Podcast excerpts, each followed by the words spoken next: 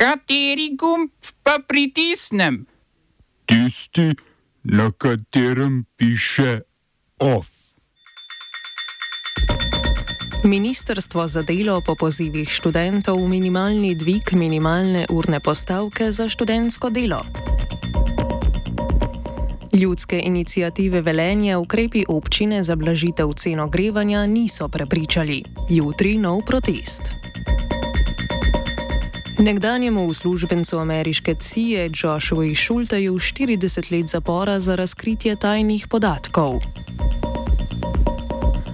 Izraelski obrambni minister Galant, naslednja tarča kopenske ofenzive Rafa.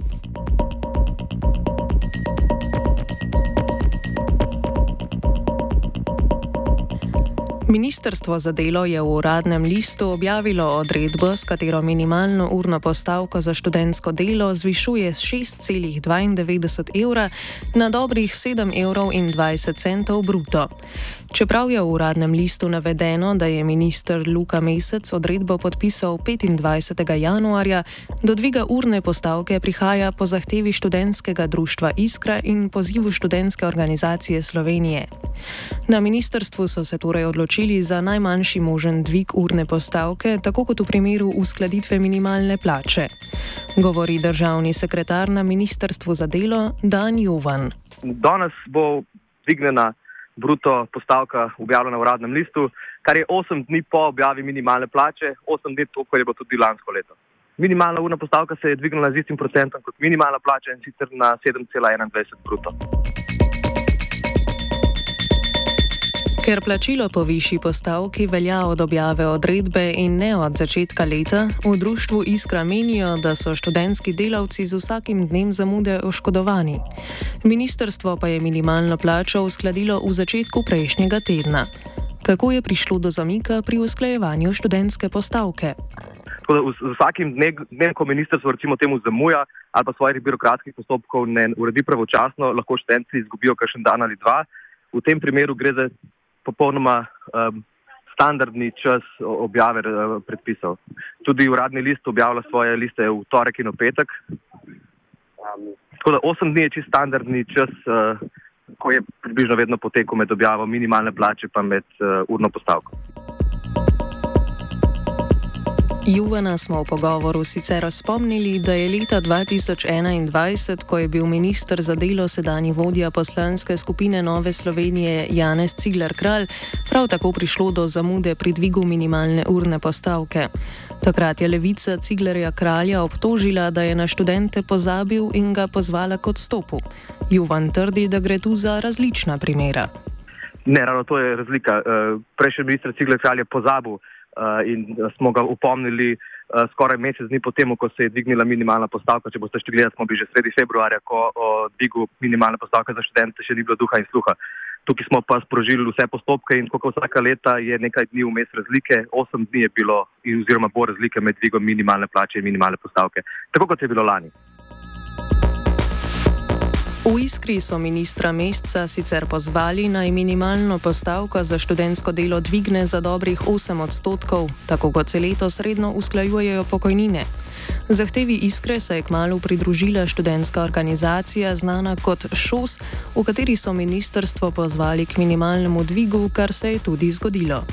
Predsednico študentske organizacije Marike Grubar smo vprašali, zakaj so poziv ministrstvu poslali šele včeraj. Zato, ker smo ugotavljali, da je skrajni čas za to. Uh, poskušali smo biti v dialogih cel ta čas, ampak smo ugotovili, da je pač to edini smiseln postopek, da pa zdaj tudi to javno objavimo in da tudi pozovemo ministra. Se pa zavedamo, da bi bilo to zelo smiselno prej obelodajati, oziroma da je bila naloga ministra, da se to prej uredi.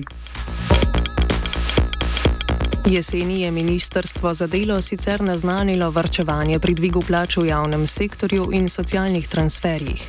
Sindikati so se z vlado vendarle dogovorili, v državnem zboru pa so poslanci po kozmičnem dežju potrdili tudi uskladitev socialnih transferjev.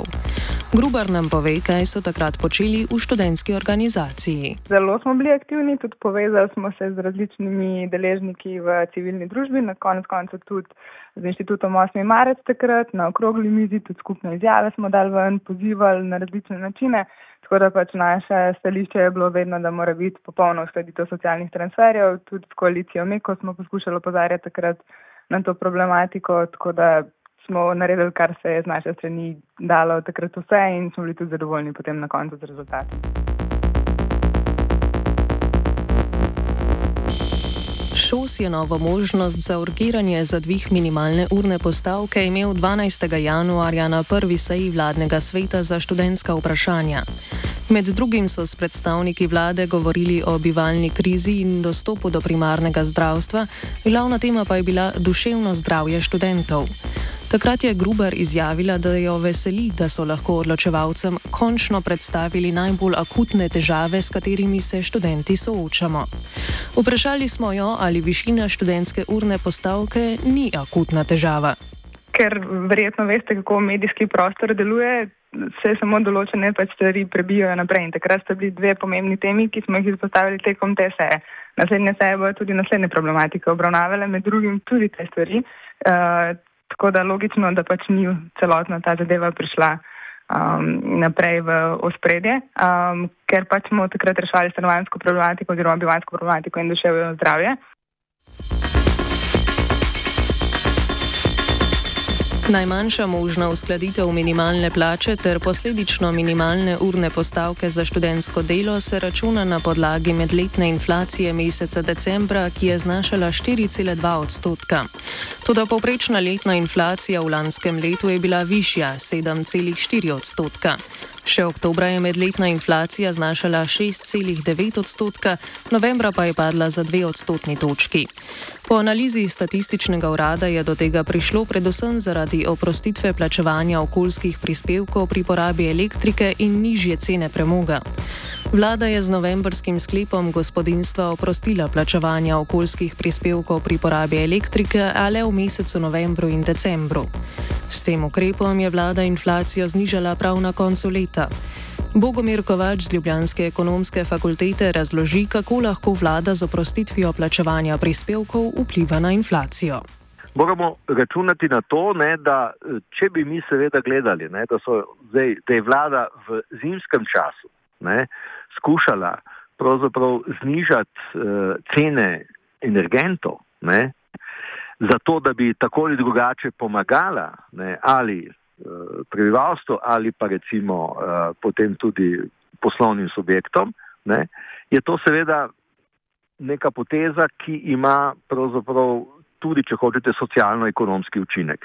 Če zdaj to vpliva med drugim na inflacijo, ki bi naj pa seveda potem posredno vplivala tudi na to, da se skozi indeksacijo se znižajo potem tako ali drugače uh, ali uh, plačni popravki ali recimo socialni popravki in tako dalje z, z pokojninski in tako naprej, uh, je to seveda nekaj, da tako rečem, izvedenega. In vlada je pravzaprav skušala naša ali katerakoli druga seveda v tem času urejati nek ključen segment cen energetskih cen, recimo, ne, zato da bi pomagala poslovnim in seveda tudi državljanom. Ne, in hkrati je seveda to zniževalo jasno indeks inflacije, ker je mogoče na drugi strani je pa lahko to koristilo. Za ljudsko inicijativo velenja ukrepi, ki jih je za blažitev cen ogrevanja sprejela občina, niso dovolj. Zato bodo jutri na Velenskem Titovem trgu znova protestirali. Velenski mestni svet je v torek sprejel rebalans proračuna, v katerem je zagotovil milijon evrov za subvencioniranje položnic. Delno gre za subvencijo 10 evrov na megavatno uro dobavljene toplote, delno pa za energijsko-toplotni dodatek, s katerim bodo najrevnejšim pokrili največ 150 evrov stroškov mesečno. V civilni inicijativi so se sestali tudi z direktorjem Velenske komunale Gašparjem Škarjo, ki jim je, kot trdijo, ponudil samo obročno odplačevanje ali odlog plačila januarskih položnic za ogrevanje. Poleg tega so v termoelektrarni Šuštan, ki je toplo vodo kot odvečni produkt prodajala komunalnemu podjetju Velenje, variabilni del cene znižali za 6 odstotkov. V inicijativi ustrajajo, da je treba ljudem pomagati takoj.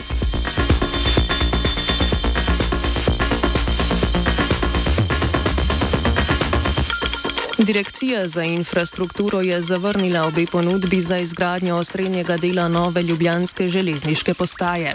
Javno naročilo za gradnjo nadhoda in nove postajne dvorane bodo na direkciji, ki sodi pod infrastrukturno ministrstvo, ponovili. Obe ponudbi namreč presegata zagotovljena sredstva. Ob objavi razpisa so na direkciji vrednost del ocenili na slabih 167 milijonov evrov z davki. Za izgradnjo so se potegovali v podjetju Vodc Celje, ki bi dela izvedlo za skoraj 300 milijonov evrov. Cenejša ponudba, ki jo je oddal konzorci Ljubljanskega gradbenega podjetja slovenskih železnic, kolektorja CGP-ja in GH Holdinga, je znašala skoraj 261 milijonov evrov.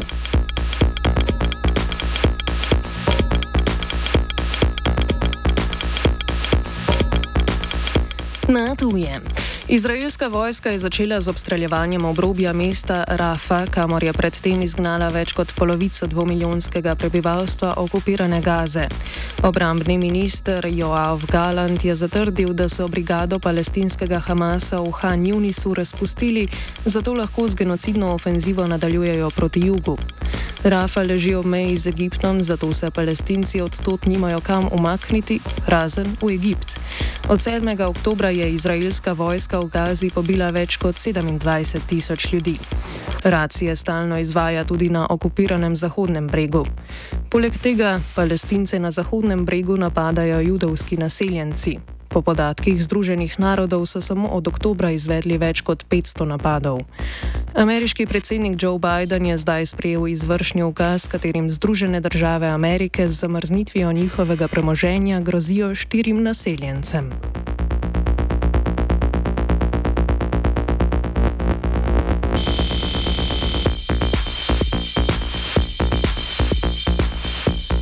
Njujorško okrožno sodišče je Joshuahu Šulteju izreklo 40-letno zaporno kazen za vohunjenje, računalniško hekanje, nespoštovanje sodišča, laganje FBI-ju in posedovanje otroške pornografije. Sodišča so nekdanjega uslužbenca obveščevalne agencije CIA zaradi posredovanja tajnih dokumentov Wikileaksu obsojala od leta 2020. Šulteja preganjajo z očitki, da je kot programer CIA izvedel največjo krajo podatkov v zgodovini agencije, kot so sporočili Zvezdnega ministrstva za pravosodje.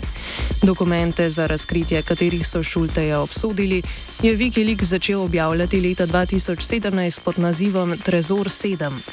Razgrinjajo podrobnosti o programih, s katerimi je obveščevalna agencija v obdobju od leta 2013 do leta 2016 udirala v spletne brskalnike kot so Google Chrome, Mozilla Firefox, Microsoft Edge in Opera, operacijske sisteme mobilnih telefonov kot sta Android in iOS, ter računalniške sisteme od Windowsa do Mac OS-a in Linuxa.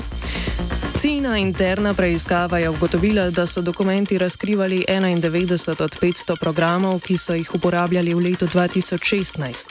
O izročitvi ustanovitelja Wikileaksa Juliana Assangea v roke ameriških organov pregona bo londonsko visoko sodišče znova odločalo 20. in 21. februarja. Britanske oblasti so Assangea že odločene izročiti, a je preko odvetnika uveljavljal še zadnje možnosti pritožb.